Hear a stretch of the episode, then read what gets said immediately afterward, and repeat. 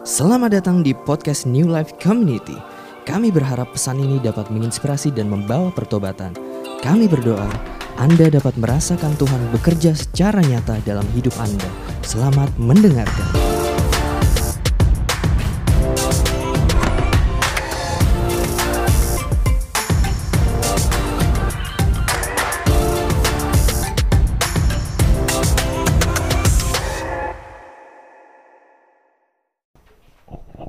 Shalom semuanya.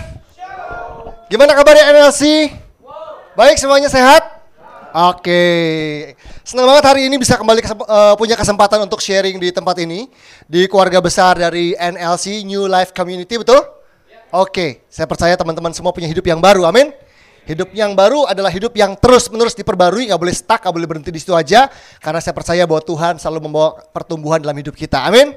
So langsung aja teman-teman untuk kita bisa membahas eh, lebih lagi apa yang kita mau bahas di hari ini. Saya mau ajak kita semua untuk buka Alkitab kita dari Matius pasal yang kelima ayat yang ke-37. Matius pasal yang kelima ayatnya yang ke-37. Sama-sama buka Alkitabnya ini ayat terkenal banget. Saya yakin teman-teman semua pernah dengar ayat ini dan kita mau baca sama-sama satu ayat ini bareng-bareng dengan suara yang keras, dengan sungguh-sungguh supaya firman ini betul-betul berbicara di hati kita sepanjang hari ini dan juga seterusnya.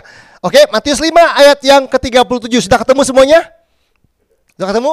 Oke, ada di depan juga ayatnya. Matius 5 ayat 37. 1 2 3. Jika ya, hendaklah kamu katakan ya. Jika tidak, hendaklah kamu katakan tidak.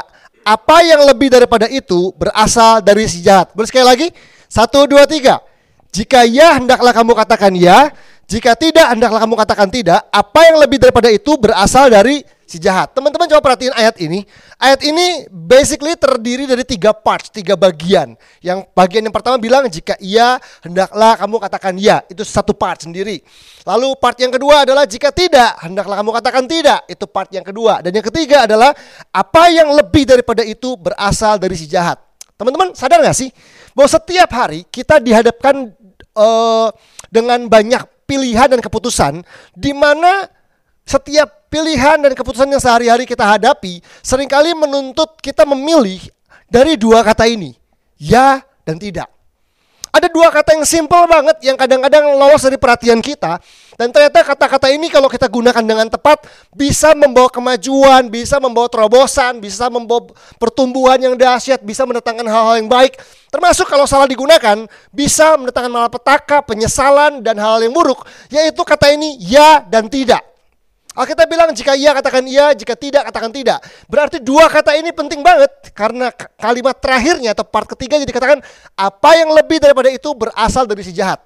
Artinya waktu kita salah menggunakan dua kata tadi, kata iya dan tidak, kita bisa memberi ruang buat pekerjaan kerajaan kegelapan, buat iblis untuk merusak hidup kita. Karena tadi bilang apa? Apa yang lebih daripada itu berasal dari si jahat. Nah, kita harus belajar menggunakan kata ini. Amin teman-teman semua. Saya kepengen orang-orang muda di tempat ini belajar bagaimana menggunakan kata ya dan tidak dalam hidupnya. Karena kata ini digunakan ya dan tidak itu nggak sesimpel yang kita pikir. Kata ya, artinya apa sih? Kalau seseorang ditawarin sesuatu gitu ya, ditanya sesuatu dan dia jawab ya itu artinya apa? Ya itu artinya setuju, ya nggak sih? Eh, mau nggak? Setuju nggak? Ya, setuju. Oke, gitu ya. Ya, ya itu artinya setuju. Ya itu artinya mau. Ya itu artinya suka. Ya itu mau artinya menerima. Kalau ada satu anak muda yang bilang begini sama saya, Kak Dari, abis ini makan Korean barbecue yuk, saya traktir. Wah, saya bilang, ya, ya itu artinya saya mau, saya setuju, saya suka, saya menerima. Kalau saya bilang, eh nggak mau, saya saya mau, saya pengen makan yang lain, gitu kan? Saya bilang tidak, tidak itu artinya kan menolak, gitu kan? Tidak setuju, tidak mau, tidak suka, tidak menerima. Teman-teman, menggunakan kata ini ternyata nggak simple. Ada banyak orang yang saya pernah temui, saya pernah mentoring, konseling, gembalakan, nyesel hanya karena salah menggunakan dua kata ini aja dalam hidupnya. Dan kata ini bukan digunakan gitu aja. Biasanya faktor terpenting dalam orang menggunakan kata ini tuh adalah dirinya sendiri. Kalau dia tidak penuh dalam Kristus, kalau dia punya gambar diri yang nggak sehat, gitu ya, dia akan gampang eh, salah membuat pilihan, keputusan, jawaban yang membuat dia menyesal. Misalnya begini, saya ketemu sama anak muda yang di usia muda utangnya banyak banget, gitu. Bukan cuma utangnya dia, tapi juga utang orang tuanya yang harus dia bayarin begitu. Nah orang kalau punya utang banyak teman-teman, ya kan harus harus punya strategi kan untuk menyelesaikan hutangnya gitu ya. Biasanya pertama dia harus memperkecil pengeluaran. Jadi pengeluaran itu harus diperkecil nih supaya pengeluarannya nggak banyak. Yang kedua, dia harus menambah pemasukan gitu ya supaya dia punya uh, uang lebih untuk bisa melunasi atau mencicil utang-utangnya. Kan dia juga punya kebutuhan kan, transport tiap hari, makan tiap hari, telepon listrik, air dan sebagainya. Jadi dia harus punya strategi dong gitu. Nah, biasanya anak muda kita ajarin dong bagaimana kamu berhemat itu dulu gitu ya kota internet tuh bagaimana gitu dan sebagainya sebagainya bagaimana kamu nggak selalu makan di luar ngopi dan sebagainya yuk berhemat dulu gitu supaya pengeluarannya kecil makin kecil supaya uh, nanti punya uang lebih untuk bisa mencicil sampai lunas hutang-hutangnya kita bukannya nggak percaya mujizat teman-teman saya percaya mujizat tapi saya juga percaya mujizat bekerja karena kita tanggung jawab amin jadi kalau punya utang jangan cuma berdoa, aku punya Tuhan yang besar. Tuhan aku percaya tahun ini hutang-hutangku lunas karena Allah yang membayarnya. Lalu yang bikin utang Tuhan suruh bayar, gitu kan? Maksudnya gini, Tuhan pasti memberkati, menyertai, tapi kita tanggung jawab dong mencicilnya begitu kan. Nah, kadang-kadang begitu. Kita udah punya strategi nih, anak muda diajarin kan supaya yuk cicil utangnya sampai lunas supaya kamu tidak dalam kesesakan begitu. Eh, lagi liburan tanggal merah temennya ngajakin, bro healing ya bro gitu ya. Kita liburan kita healing ke Bandung gitu ya. Aduh. Eh ke Bandung atau lagi misalkan agak jauh dikit nah kita ke Singapura nih ada tiket murah. Semurah murahnya tiket ke Singapura makannya nggak murah hotelnya nggak murah begitu kan Nah kadang-kadang kapan lagi? Ayolah gitu. Temen-temen tuh tiap saat tuh posting liburan, posting hal, -hal seru, kopi di posting, uh, segala macam lah healing-healing di posting. Masa postingan gua kering banget? kayaknya gitu kan. Awalnya nggak mau gitu kan tapi kan biasa kan teman-teman kita suka bertanduk ke kepalanya kan gitu ya. Ada aja ayolah kapan lagi? Nanti gua bayarin lah ininya lah makannya sekali sekali lah gitu uh, iya deh gitu ya.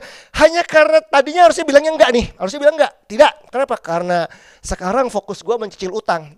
Gara-gara digoda sama temennya diajak-ajak terus dia mulai ngebayang-ngebayangin kayaknya seru nih. Nanti temen gua pada posting liburan ke Singapura sambil makan, gue lagi kering di rumah gitu ya, aduh kayaknya nggak enak nih, nggak asik. Oke lah, nanti kita uang nyari lagi lah, uang nyari lagi deh. Tadinya mau bilang enggak nih, jadi bilang iya. Pulang dari liburan, dari healing, bukannya healing, nyesek. Utangnya tambah banyak, ya. Oh, karena tadinya kan biasa kan, kalau orang tuh paling gampang kejebak sama jurus kapan lagi, ya gak sih? Hmm, nggak punya duit, tapi kapan lagi ya? Gitu kan? Kapan lagi? Kita beli aja dulu dah. Udah deh, nanti belakang lah. Nanti adalah berkatnya berkatnya gitu. Jadinya nyesel. Akhirnya harusnya bilang enggak, bilang iya, nyesel. Ada satu orang sudah berkeluarga, sudah menikah, sudah punya anak gitu ya, punya tabungan-tabungan. Biasanya orang kalau menikah tuh punya tabungan buat nanti anak sekolah, anak kuliah gitu, tabungan pendidikan segala macam ya. Punya teman, punya sahabat dari dari muda, dari sekolah, best friend banget nih, bestie gitu ya. Tahu-tahu bestinya bilang, bro, ada duit nggak? Pinjem dong. Lagi susah nih, bulan depan gua ganti. Berapa? Cepet tiaw, 100 juta. Ih, banyak amat. Ya untuk bisnis gitu. Gua janji bulan depan gua ganti. Aduh, masalahnya duitnya gede. Gua nggak berani kalau minjemin lu nanti bini gua marah kan gitu kan istri gua ntar marah nggak setuju dan sebagainya ya istri lu nggak usah tahu-tahu jangan lo ribut kita udahlah nggak usah bilang-bilang cuman sebulan doang gua pinjem masa lu nggak percaya kita bestie dari zaman sekolah. Lu tahu rumah gua, lu tahu keluarga gua, lu tahu emak gua segala macam kan.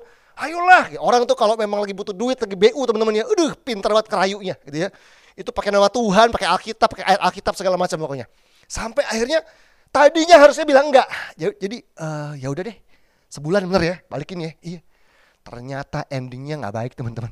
Bukan kan jangan sebulan, bertahun-tahun nggak balik tuh duit. Harusnya bilang tidak dia bilang iya, endingnya penyesalan.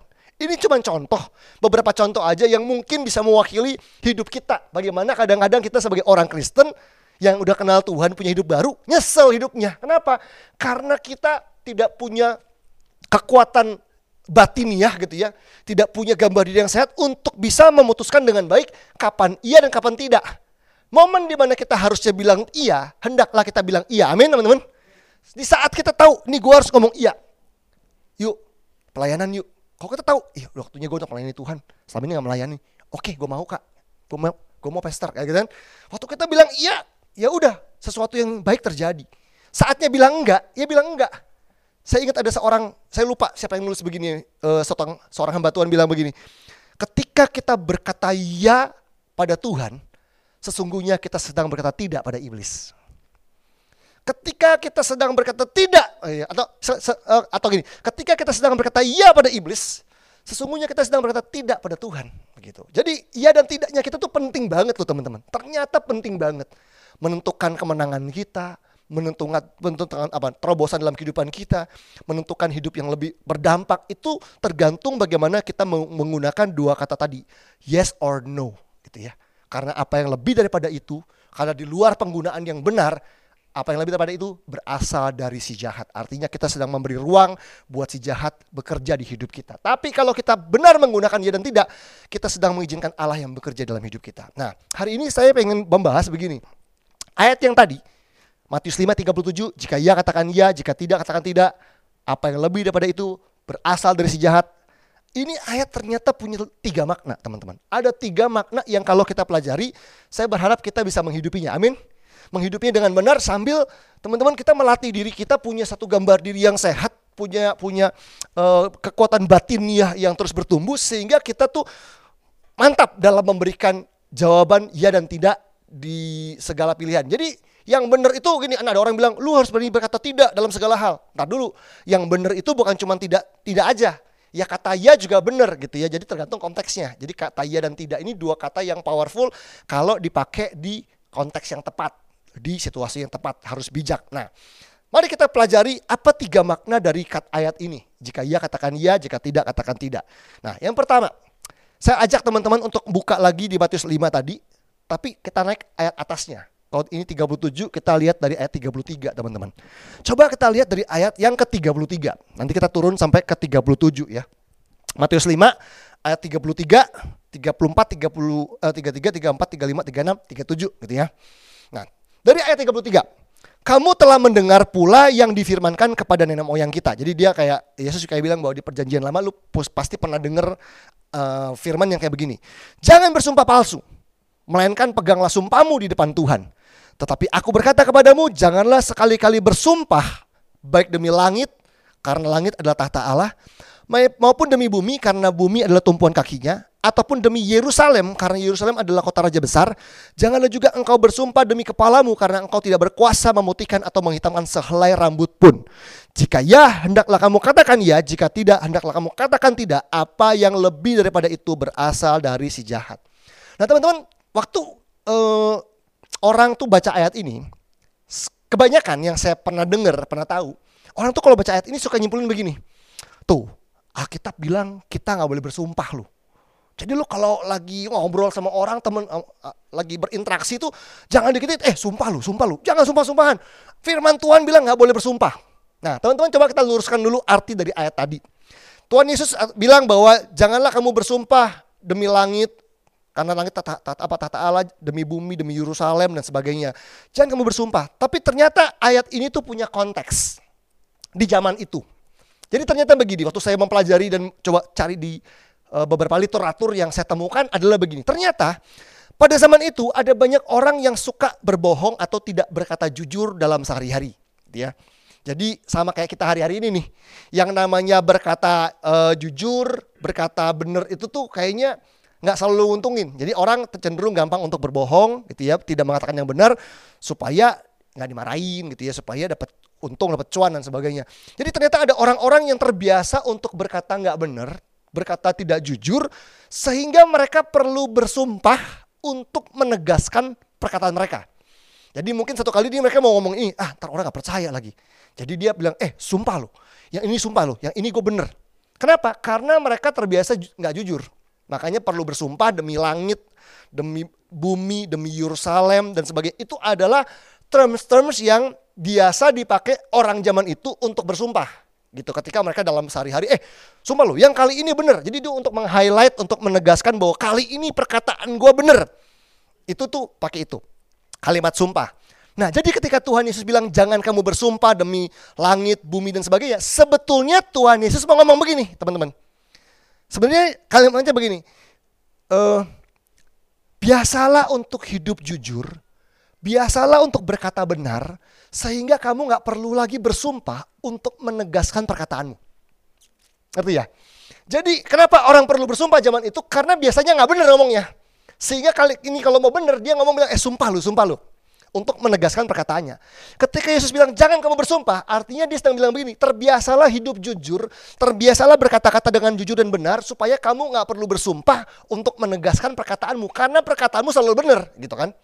Jadi arti yang pertama atau makna yang pertama dari ayat tadi Matius 5:37 adalah kejujuran, teman-teman. Jadi ketika ngomongin ya dan tidak, pastikan kita punya satu uh, kayak apa? ketetapan hati di dalam kita bahwa saya ingin berkata jujur. Nah, saya percaya bahwa saya gini, saya sedang melihat hari-hari ini bahkan di kalangan orang Kristen, kalau di di gereja mungkin ya ada juga sih. Tapi kalau udah urusan kerjaan gitu ya, di luar gitu ya. Entah kenapa orang Kristen tuh nggak beda sama orang dunia. Memakai kebohongan sebagai cara tercepat untuk ngelesain masalah. Enggak. Daripada gue dimarahin, udah bohong aja. Telat nggak dimarahin gitu ya. Karena bohong aja. Pokoknya bohongnya bohong sama bos, bohong sama orang tua, bohong sama pasangan gitu ya. Kalau udah jadi suami itu ya waktu awal-awal orang uh, menikah kan kita biasanya adaptasi dulu nih. Biasanya as hidup sebagai single kan waktu hajar, futsal, main game apa gitu. Begitu nikah kan kayak kagok gitu ya. Ada orang-orang yang ketika baru-baru nikah tuh kagok gitu ya. Udah ditungguin sama istrinya nih gitu. Istri baru kan, eh, istri baru lagi. Ya baru punya istri maksudnya begitu. Lagi nungguin kan, nggak pulang-pulang suami gua gitu kan. Kan pernikahan baru Suaminya wah asik nongkrong, main, main futsal, pulang futsal, makan dulu. Habis makan nih, Bill datang tuh langsung bayar masih asik ngobrol-ngobrol gitu ya. Sampai di kasir masih ngobrol sama temen-temennya. Sampai pintu gerbang restoran masih ngobrol. Sampai akhirnya terlambat dua jam. Istri kan kayak, aduh lo tuh malah egois ya gak mikirin gua. Gua nungguin sendirian. Belum ada anak kan biasanya kan. Pas pulang, ke mana kamu? Kok baru jam segini baru balik? Mana miss call nggak diangkat lagi. Sampai gitu kan kadang-kadang satu hal yang paling horor dalam hidup ini selain film horor adalah miss call istri kan gitu miss call istri itu kadang horor kalau nggak diangkat angkat begitu. Jadi paling gampang bilang apa? Oh sorry sayang nggak angkat telepon dan telat karena apa? Karena banku kempes. Bohong aja tuh. Kalau bohong istri kan oh iya banyak kempes. Coba ngaku. Iya kasihkan ngobrol sama teman wah tidur di luar ambil gitu kan. Kadang-kadang orang memilih bohong karena karena itu merasa cara paling cepet cara paling simple cara paling mujarab untuk menyelesaikan masalah teman-teman. Jadi orang tuh sering kali berbohong dan saya percaya itu bukan nilai kerajaan sorga. Amin. Itu bukan nilai orang yang hidupnya udah diperbarui sama Kristus. Harusnya bohong, curang, nggak jujur, harusnya itu bukan jati diri kita. Amin. Harusnya itu buat kita risih. Nah, entah kenapa kadang-kadang kita menemukan ada orang-orang yang hobinya berpura-pura. Salah satu yang paling populer bentuk kepura-puraan adalah pura-pura sakit, teman-teman. Enggak?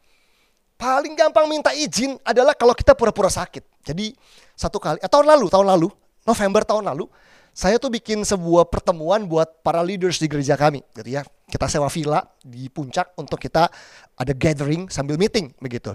Jadi kita bilang, teman-teman uh, atur cuti ya. Kita mau nginep tiga hari dua malam, berangkat Jumat pagi. Jadi Jumat siang kan bisa check in tuh, gitu udah masuk villanya.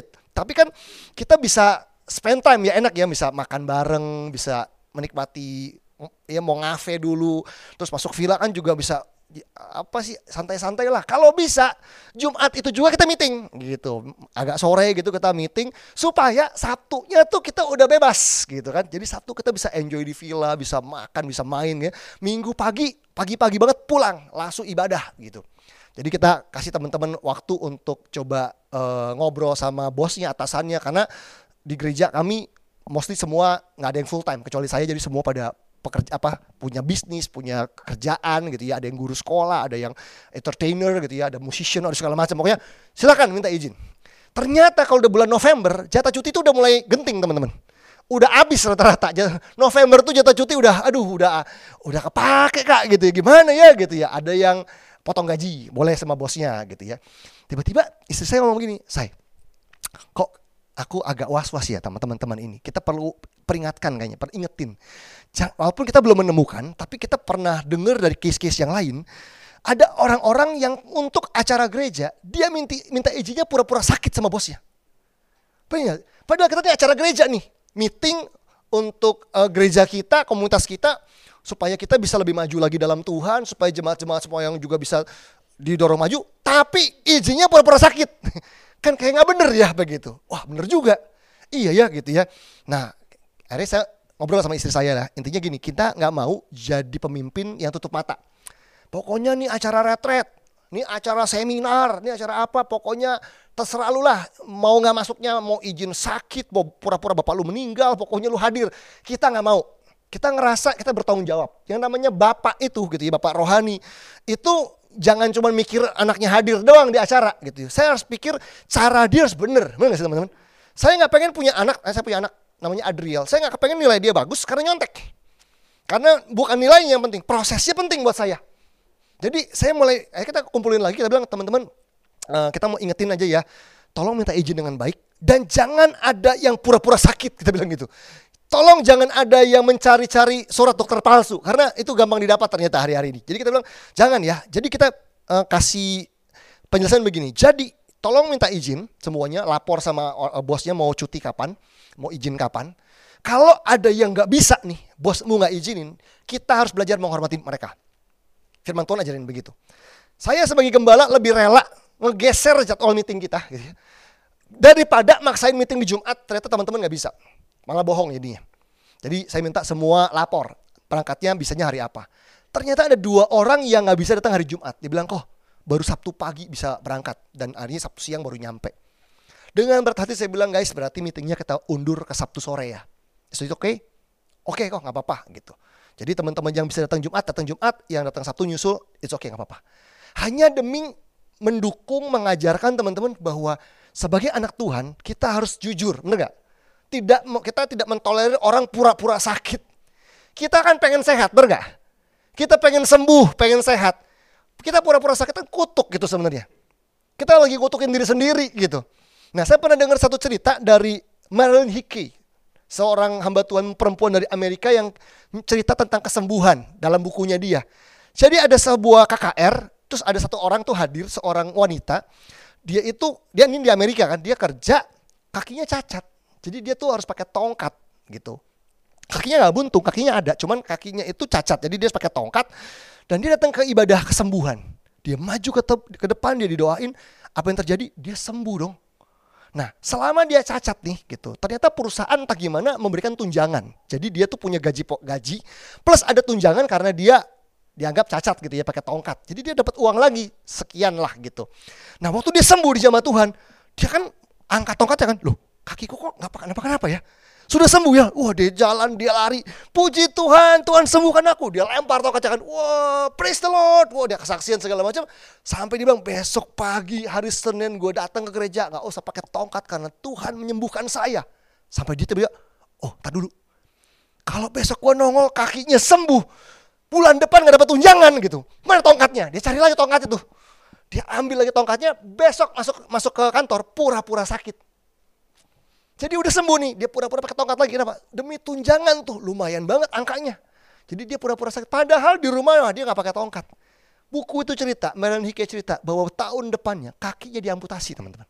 Orang ini. Terus saya mulai mikir kan, ih kok kayak Tuhan jahat ya. Kayak kesembuhannya ditarik gitu dari dari dari dia gitu. Ternyata bukan Tuhan yang jahat teman-teman. Tuhan tuh hatinya menyembuhkan. Tapi ingat tadi ayat bilang apa? Apa ya jika ia katakan ya, jika tidak, katakan tidak. Yang lebih daripada itu berasal dari si jahat. Waktu dia berpura-pura dan dia berbohong, dia lagi kasih kesempatan buat roh jahat, si jahat untuk mencuri semua kesembuhan. Bukan Tuhan yang batalin sebetulnya. Dia yang lagi kasih pintu buat iblis mencuri semua kesembuhan yang tadi Tuhan kerjakan buat dia sebetulnya. Makanya di sini teman-teman jangan ada yang pura-pura sakit. Amin. Gak usah pura-pura miskin juga. Gak usah pura-pura jelek juga gitu ya.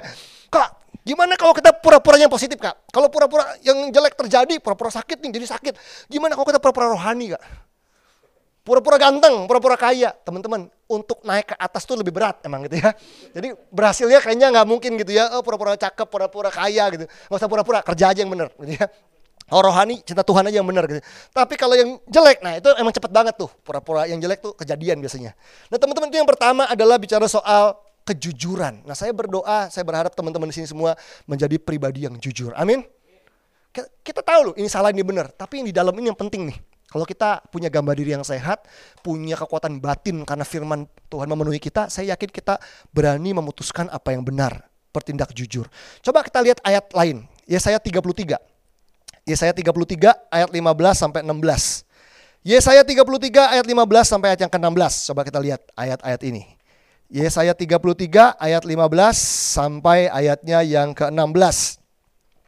Yesaya 33 ayat 15 sampai 16. Orang yang hidup dalam kebenaran Nah, orang yang hidup dalam kebenaran itu kayak gimana sih? Yang berbicara dengan jujur, gitu kan?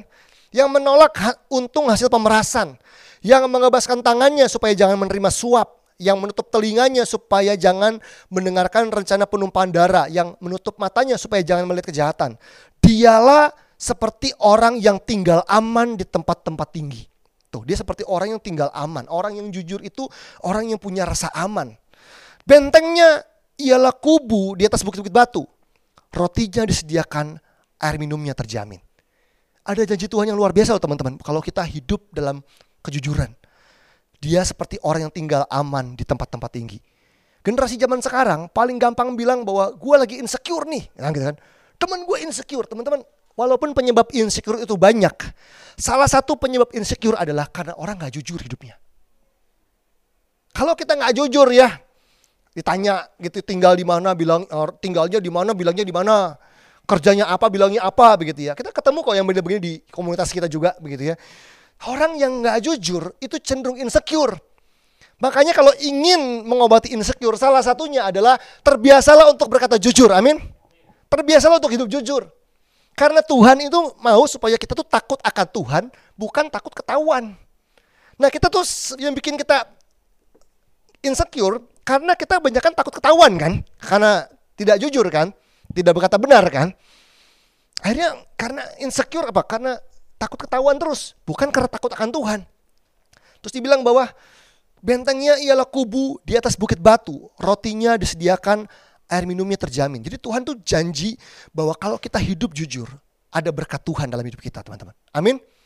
Nah, kadang-kadang saya menemukan di gereja ada orang kesaksian, gitu ya biasanya yang udah udah udah profesional muda yang udah berkarir bekerja berbisnis tuh kadang-kadang suka kesaksian oh puji Tuhan Tuhan tuh memberkati saya gini gini gini gini. Puji Tuhan project saya goal gini gini. Tapi namanya komunitas teman-teman komunitas itu tempat berbahaya loh. Karena semua tentang diri kita tuh akan mudah ketahuan di dalam komunitas. Makanya orang suka nggak nggak suka berkomunitas kenapa? Kalau lu berkomunitas cepat lambat orang akan tahu siapa kamu sebenarnya dan seperti apa kamu sebenarnya.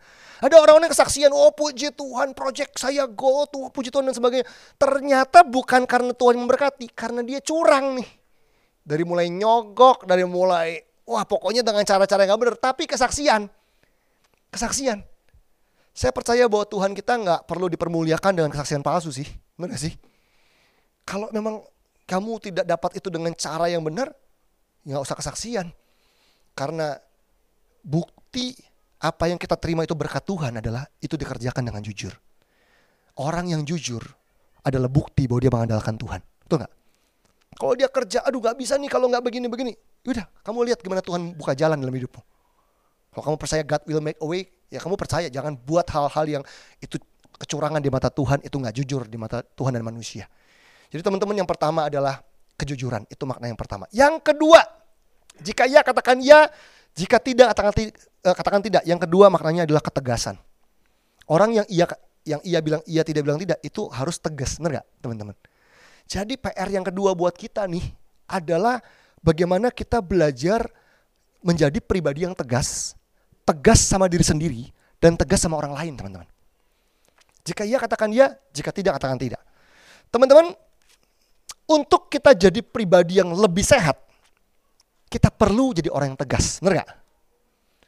Misalnya kita tahu nih, aduh, gue masih muda, ternyata waktu medical check up, kayaknya gue bakat-bakat diabetes nih, gitu kan, kelihatan. Atau gue kayaknya bakat-bakat darah tinggi nih, kayaknya aduh udah ada warning-warning nih dan sebagainya. Teman-teman kalau kita mau sehat, kita perlu ketegasan, benar gak? Jika iya katakan iya, jika tidak katakan tidak. Artinya kalau ketika lu ketemu sama yang manis, yang berlemak gitu kan, waduh, harus tegas sama diri sendiri nggak usah nyalain orang lain, lu sih nawarin. Nggak usah nyalain temennya gitu. Masalah temen mah nawarin karena sopan kan. Masa kita nggak nawarin, eh mau nyobain nggak gitu kan. Ya lu nawarin sih, lu ajak, lu yang tegas. Jadi kalau kita pribadi nggak tegas, kita nggak bisa lebih sehat dalam hidup ini. Nanti nyesel. Begitu udah KO, sakit macam-macam, nyesel. Untuk lebih sehat kita perlu tegas. Untuk lunasin utang, kita perlu jadi pribadi yang tegas, benar nggak? Tegas. soal keuangan. Nah, itu ketegasan itu datang dari mana? Kekuatan batiniah. Kalau kita melatih di dalam kita terus bertumbuh dalam Tuhan, kita punya kekuatan batinnya untuk tegas. Kalau kita jadi orang tua, mendidik anak itu perlu ketegasan loh. Ingin lebih maju dalam iman, ingin lebih bertumbuh dan berdampak, juga perlu ketegasan. Teman-teman yang namanya tegas itu nggak berarti kasar. Nggak, tegas itu bisa lembut tapi tegas itu bisa banget. Dan yang namanya ketegasan itu penting karena ada situasi-situasi tertentu di mana kita tuh sukar untuk tegas. Waktu saya kuliah dulu di sekolah teologi ya, di Petamburan, saya pernah punya temen itu bapak-bapak. Jadi dia tuh angkatan atas saya, terus cuti. Jadi dia satu angkatan sama saya kan, semester 5 begitu dia uh, jadi bareng satu angkatan sama saya. Bapak ini tinggal di satu kota di Jawa Barat. Ada satu kota di Jawa Barat gitu. Terus dia tiap hari naik kereta ke Jakarta, ke Petamburan untuk ngelesain kuliahnya. Bapak ini tuh sudah menikah, sudah punya anak. Dia juga guru sekolah, dia juga gembala sidang gitu di Jawa Barat itu. Nah, saya kan anak-anak lulus baru SMA langsung kuliah kan. Jadi hamba Tuhan nih, sekolah teologi ya. Ketemu deket ngobrol cocok nih. Wah, dia sosoknya kayak seorang kakak buat saya yang banyak ngajarin banyak hal. Dia bilang, Fer, kalau lu khotbah KKR anak muda, cara bikin nangisnya tuh gini caranya. Wah, saya kan dapat banyak apa ya di sharingin pengalaman sama dia. Yang paling menyenangkan juga uh, sama bapak ini adalah tiap makan dibayarin teman-teman. Jadi kalau makan yang namanya mie ayam, ya makanan di sana mie ayam gitu ya sama gado-gado bang tompel gitu ya. Kalau lagi makan dia bilang, eh, oke oke, on me, on me, on me, dan on me, on me, udah simpan aja uang kamu. Kamu kan belum kerja, masih minta orang tua, udah saya yang bayarin. Jadi entah entah berapa banyak, berapa piring ketoprak dan berapa mangkok mie ayam yang sudah masuk ke perut saya dibayarin sama bapak ini. Tapi orangnya baik, baik dan saya tuh benar-benar dekat lah sama dia. Sampai satu ketika kami ada ujian akhir semester mata kuliah katekisasi teman-teman di sekolah teologi ya. Itu dosennya ngasih soal tuh cuma 10. 10 doang. A, B, C, D, E. Tau gak? Ngilang-ngilang. Itu kan kalau kita bisa 5 menit kelar sebenarnya. Cuma 10 soal A, B, itu selesai. Nah saya saya tuh anak IPS yang hobi ngapal teman-teman. Jadi kuat di hafalan. Jadi begitu saya lihat soalnya, wah bisa nih gue gitu kan. Saya tulis soal, nama saya, tulis apa nomor induk mahasiswa, terus saya mulai ngerjain kan. Satu, baca dengan teliti yang penting. Baca O E. Dua, C gitu ya. Begitu lagi ngerjain, tiba-tiba saya dengar suara dari belakang. Fer, nomor empat jawabannya apa? Aduh, ada yang nyontek nih gitu kan. Fer, nomor empat saya ngintip kan kok suara gue kayak kenal gitu. Pas saya ngintip itu bapak-bapak teman saya itu. Yang gembala sidang guru sekolah, dia nanya nomor empat jawabannya apa? Saya mati gue. Ini gimana jawabnya? Kenapa? Karena yang berat adalah satu, ngasih jawabannya tuh simple teman-teman. Gak usah pakai satu kata, satu huruf pengen ngasih. E, D, itu selesai kan? Yang kedua, dia akan sering traktir gue makan gitu loh. Masa pelit amat cuman eh C masa iya pelit amat gitu. Cuman bilang Tuhan saya tuh udah gak nyontek dari SMA Tuhan. Udah bertahan sampai dibully di sekolah, dihina-hina, gue gak nyontek. Masa sama gini doang gue kalah gitu. Udah bertahun-tahun saya ngelirik, aduh dia bilang pakai ekor mata saya nomor 4 fair gitu. Aduh, gue pura-pura budek aja deh pokoknya deh, saya ngerjain. Dia tendang uh, kursi saya, dek gitu, dek, dek, gitu. aduh gitu ya. Nomor 4, aduh gimana Tuhan, kok tiba-tiba dia nanya ke saya minta contekan kok jadi ujian yang lebih berat daripada ujian ini gitu. Ini gimana nih integritas nih kok apa ya saya tuh nggak enak saya takut dia marah, tersinggung, nanti dia maki-maki saya itu gimana? Kita kan temenan baik loh. Kok saya nggak kayak nggak tahu diri udah traktir makan. Ini jawaban cuman eh deh cuman gitu doang kan pelit amat sih gitu. Aduh Tuhan ini gimana ya Tuhan? Ya udah deh kayaknya saya nggak mau kompromi. Jadi saya kepengen cepet-cepet ngelesain uh, ujian saya silang-silang silang kumpulin buruan. Kan dia belum bisa nih. Siapa tahu dia nanya orang lain kan? Gitu. Dia nanya orang lain ya mau dikasih terserah.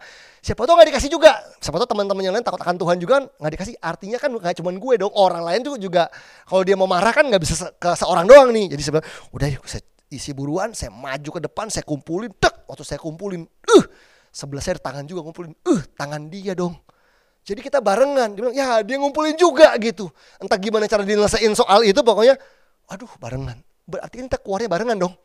Berarti kan dia gak nanya orang lain. Aduh gawat ini deh. Udah saya ambil tas, saya keluar dari pintu ruangan sambil siap dimaki-maki. Deh, mungkin dia marahin saya, maki-maki saya atau ngatain saya apalah gitu, nggak tahu diri pelit apa gitu. Udah saya diam aja. Dia keluar, Dia berdiri di sebelah saya persis sebelah kanan.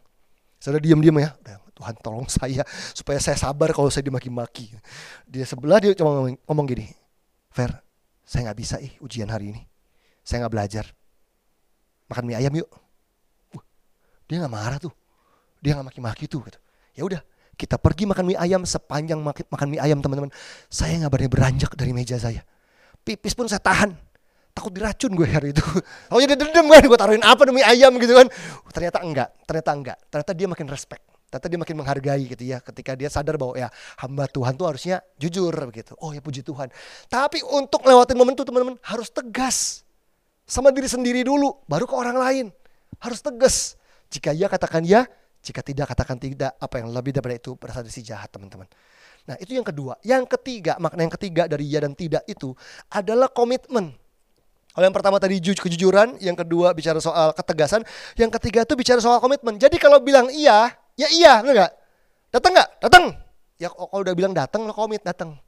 Jika enggak, ya enggak gitu. Jadi bisa, uh, ya dan tidak ini juga bicara soal komitmen teman-teman. Kalau kita bilang iya pada hal yang salah, artinya kita komit pada hal yang salah kan begitu. Jika kita tidak atau menolak komitmen yang benar ya kita jadinya hidupnya jadi fatal.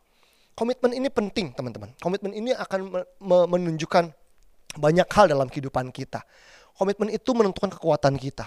Komitmen ini menentukan apakah kita bisa dipercaya atau tidak dan sebagainya. Komitmen itu penting banget. Waktu saya kuliah dulu, uh, saya pernah dapat mata kuliah pertumbuhan gereja. Church Growth, pertumbuhan gereja yang mengajar adalah satu pendeta besar yang sudah meninggal dunia, al almarhum pendeta Dr. Jacob Nahwai. GBI Mawar Sharon, Kelapa Gading. Om Yakob kita manggilnya. Om Yakob kalau khotbah kalau ngajar itu dua jam itu nggak pakai buku, pegang mic begini, wush, wah, semua ketawa satu satu ruangan. Dua jam itu nggak berasa karena dia pengkhotbah yang luar biasa kan. Jadi dia kalau ngajar tuh seru tentang pertumbuhan gereja. Cuman problemnya Om Yakob itu sibuk, sangat sangat sibuk karena dia memimpin juga secara internasional di lembaga pertumbuhan gereja di internasional. Jadi dia jarang datang. Paling datang satu semester berapa? Empat kali gitu, tiga kali empat kali tapi seru. Nah, tuh uh, kompensasinya ya tugas kan, paper dan sebagainya. Nah, waktu tugas akhir, waktu apa uh, sebagai akhir dari mata kuliah, kita dikasih tugas akhir, disuruh milih mata apa uh, paper. Nih, bikin paper ada lima pilihan judul, kita milih. Jadi saya lihat kan, judul pertama, kedua, ketiga, keempat, kelima, oke saya pilih yang ini aja deh. Saya cari bukunya, saya sampai beli, nabung, beli buku gitu ya untuk bikin paper. Nah, waktu lagi bikin paper nih kan kasih jeda berapa minggu ya, Nah, teman-teman saya itu suka ngeledek gini. Lu ngapain bikin paper? Repot-repot, sibuk-sibuk. Lu nggak denger kakak kelas kita ngomong apa? Kakak kelas kita bilang Om Yakob itu sibuk, nggak pernah sempet meriksa paper, teman-teman. Jadi, lu bikin setengah mati percuma. Bikin aja asal-asalan. Bahkan teman-teman saya beberapa itu cuma ganti sampul doang sampul depannya atau cover depannya namanya nama temennya diganti nama dia gitu aja kan gitu ya dalamnya di fotokopi persis gitu udah Sampai teman saya bercanda begini, lu tulis teks lagunya slang aja dia gak baca. Jokesnya anak-anak tuh begitu. Nah saya di mentor sama mentor saya tuh gak begitu diajarnya. Jadi meskipun orang gak lihat kamu, just do your best. Lakukan yang benar. Oh ya udah. Akhirnya saya juga bilang gini, ya udah kalaupun gak diperiksa sama Om Yakob juga biarin. Yang penting dalam proses gue ngerjain ini, gue pasti belajar sesuatu deh. Wah oh, percuma lah ngapain lu capek-capek. Ya gak apa-apa saya bilang gitu. Ya udah saya kerjain papernya, saya kumpulin teman-teman. Terus libur kan, libur semester, masuk semester baru, ternyata nilai dipampang. Kita kaget semuanya. Teman-teman tuh kaget di depan papan karena ternyata semester itu Om Yakob sempat baca paper. Tahu nggak itu di layar itu, di kertas itu E F E F E banyak teman saya nggak lulus karena ada yang D gitu ya, yang ngerjainnya jelek dapat nilai jelek, yang ketahuan nyontek itu yang dicontek dan yang mencontek dua-duanya dikasih fail. Wah, semua langsung mukanya pucat kan. Wah, karena ngulang lagi dong. Ambil mata kuliah lagi dong. Saya bilang, waduh, nama gua mana? Saya cari, seret nama saya. Ferry Felani. A. Padahal teman-teman bilang gini, eh Om Yakob gak pernah kasih nilai A, selalu B paling gede. Hari itu dia baca paper teman-teman. Sampai saya kaget bahwa saya dapat nilai A di satu mata kuliah yang teman-teman bilang nggak mungkin. Kalau kita bilang nggak pernah dia kasih nilai A. Saya lihat itu sampai terharu, kayak mau nangis karena bilang, ya ampun Tuhan, ternyata untuk hidup bener jujur itu perlu ketegasan dan komitmen loh. Komit di saat-saat komitmen itu sulit sebetulnya. Ketika teman-teman saya ngejek saya dan sebagainya. Satu kali uh, mungkin ada 10 tahun, 12 tahun yang lalu, ada satu anak muda ngajak saya makan siang. Ngopi gitu ya, ngopi di Kelapa Gading. Dia bukan jemaat saya. Saya gak kenal dia, bukan jemaat saya, terus ngopi-ngopi gitu, ngobrol-ngobrol. Saya tanya, e, sorry, uh, kamu lagi, ngopi nih, ada yang bisa saya bantu nggak? Biasanya orang ngajakin ketemuan tuh mau konseling gitu kan, ada pertanyaan minta didoain. Dia bilang, oh nggak ada kok, nggak ada apa-apa. Cuman pengen ketemu Kak Ferry aja, karena kebetulan sempet kenal, tahu gitu ya, dari temennya dia ngajakin ngobrol. Oh saya pikir mau konseling gitu, sekiranya mau didoain ada masalah. Oh nggak, nggak ada masalah kok, kok cuman pengen ngobrol-ngobrol aja gitu. Di akhir obrolan, dia keluarin amplop coklat. Terus dibilang, kok sorry ya jangan tersinggung ya. Jangan tersinggung, sorry jangan tersinggung ya. Aku tergerak pengen berkatain Ferry dengan ini. Itu dari bentuknya, saya tahu itu duit teman-teman. Dan waktu dipegang, itu tebel duitnya. Aduh gitu ya. Ini untuk berkat Ferry. Jangan tersinggung ya. Ini mah gue gak tersinggung. Gitu. Siapa yang tersinggung mau dikasih beginian. Gitu. Ini buat Ferry ya. Nah masalahnya dia kalimatnya begini. Ini buat Ferry ya ini buat pelayanan Koferi. Nah ada dua kalimat tuh. Pertama buat saya, buat Koferi. Yang kedua bilang buat pelayanan Koferi. Saya ingat mentor saya pernah kasih contoh. Dia pernah dikasih berkat. Dia bilang, pastor ini buat pastor ya. Ini buat pelayanan pastor ya. Terus dia bilang gini, wait sebentar dulu. Ini amplop ini buat saya atau buat pelayanan saya. Artinya gereja saya. Mohon dikelirin dulu nih biar kita sama-sama enak. Terus orangnya bilang kan, nah saya juga ingat itu kan. Saya bilang, oke okay, benar ya. Karena kalimat dari ganda nih, saya mau nanya. Ini amplop buat saya buat saya sebagai hamba Tuhan atau buat pelayanan saya artinya sedikit kerja saya nah saya pikir ini tebal-tebal begini bisa ganti HP nih gue nih gitu kan. Pegang zaman itu lagi zaman susah-susah gitu kan. Dia dia dia diem sebentar hmm, ini buat pelayanan covery buat gereja. Ya nggak jadi dong gitu kan. Nggak jadi buat gue dong. Tapi nggak apa-apa saya bilang eh thank you ya. It's okay ya. Uh, thank you ya. Terima kasih banget buat berkatnya. Aku ntar kasihin ke uh, bendahara. Kita akan buatin surat bukti bahwa ada tanda terima yang menyatakan bahwa uang ini nggak masuk ke saya gitu, masuknya ke gereja begitu. Teman-teman, itu komitmen. Karena hari itu satu orang ini bukan jemaat saya. Yang kedua, nggak ada satupun pengerja ataupun leader kami di, di tempat itu. Itu uang kalau saya masukin uang pribadi, saya rasa nggak akan ada yang tahu dan nggak ada yang ngecek. Tapi saya yakin bahwa pelayanan saya ke depan ke depannya ditentukan di momen itu tuh, di saat itu ketika saya memutuskan untuk tetap ber, bertindak jujur, berintegritas, tegas sama, sama diri sendiri dan berkomitmen. Jadi namanya jujur, tegas dan komitmen tuh relate each other. Dan itu hanya bisa dibuat kalau kita tuh menang di dalam. Punya gambar diri yang sehat. Nggak ngerasa, aduh kapan lagi nih amplop tebel? Saya percaya Tuhan berkatin saya. Nggak perlu khawatir di amplop buat saya kalau buat saya buat saya kalau buat gereja ya buat gereja. Nggak usah ribet tuh gereja juga punya Tuhan yang kita gembalakan dan sebagainya. Udah. Dan ternyata teman-teman itu membawa damai sejahtera yang luar biasa. Itu membawa berkat yang luar biasa. Dan itu membawa kemenangan yang luar biasa dalam kehidupan saya. Dan hari ini message-nya ada lagi teman-teman. Ada dua kata tadi. Yes or no dua kata ini simple banget jangan sampai kita salah menggunakannya ketika kita berkata ya pada Tuhan kita sedang berkata tidak pada iblis. Amin. Ketika kita sedang berkata ya pada iblis, kita sedang berkata tidak pada kehendak Allah. Hati-hati menggunakan ya dan tidak. Dua kata ini simple banget, tapi menentukan kemenangan kita, berkat kita, impactnya kita, termasuk kekalahannya kita, termasuk kejatuhannya kita juga ditentukan dari dua kata ini. Amin. Tuhan berkati. Yuk teman-teman kita bangkit berdiri sama-sama, kita berdoa. Kita datang sama Tuhan.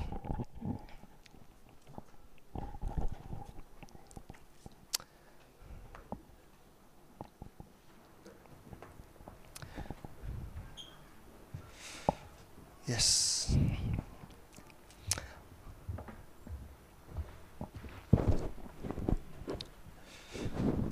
Roh Kudus, kami butuh pertolonganmu Tuhan setiap hari.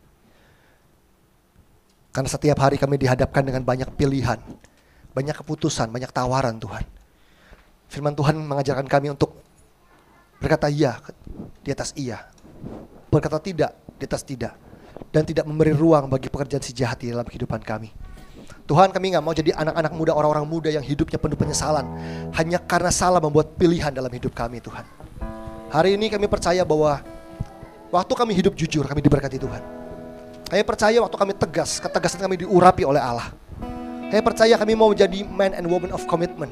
Orang yang punya komitmen terhadap apa yang benar. Sehingga kami jadi pribadi-pribadi yang bisa dipercaya sama Tuhan.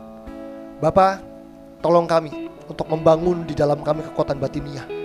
Gambar diri yang sehat, citra diri yang benar, contentment yang benar di dalam kami supaya kami bisa memutuskan apa yang benar, bukan karena iming-iming, bukan karena prestis yang kami ingin dapatkan dalam hidup ini, tapi kami bertindak benar karena kami tahu itu benar di mata Tuhan, itu berkenan di hati Tuhan, dan kami menolak sesuatu karena kami tahu itu nggak berkenan di hatimu Tuhan.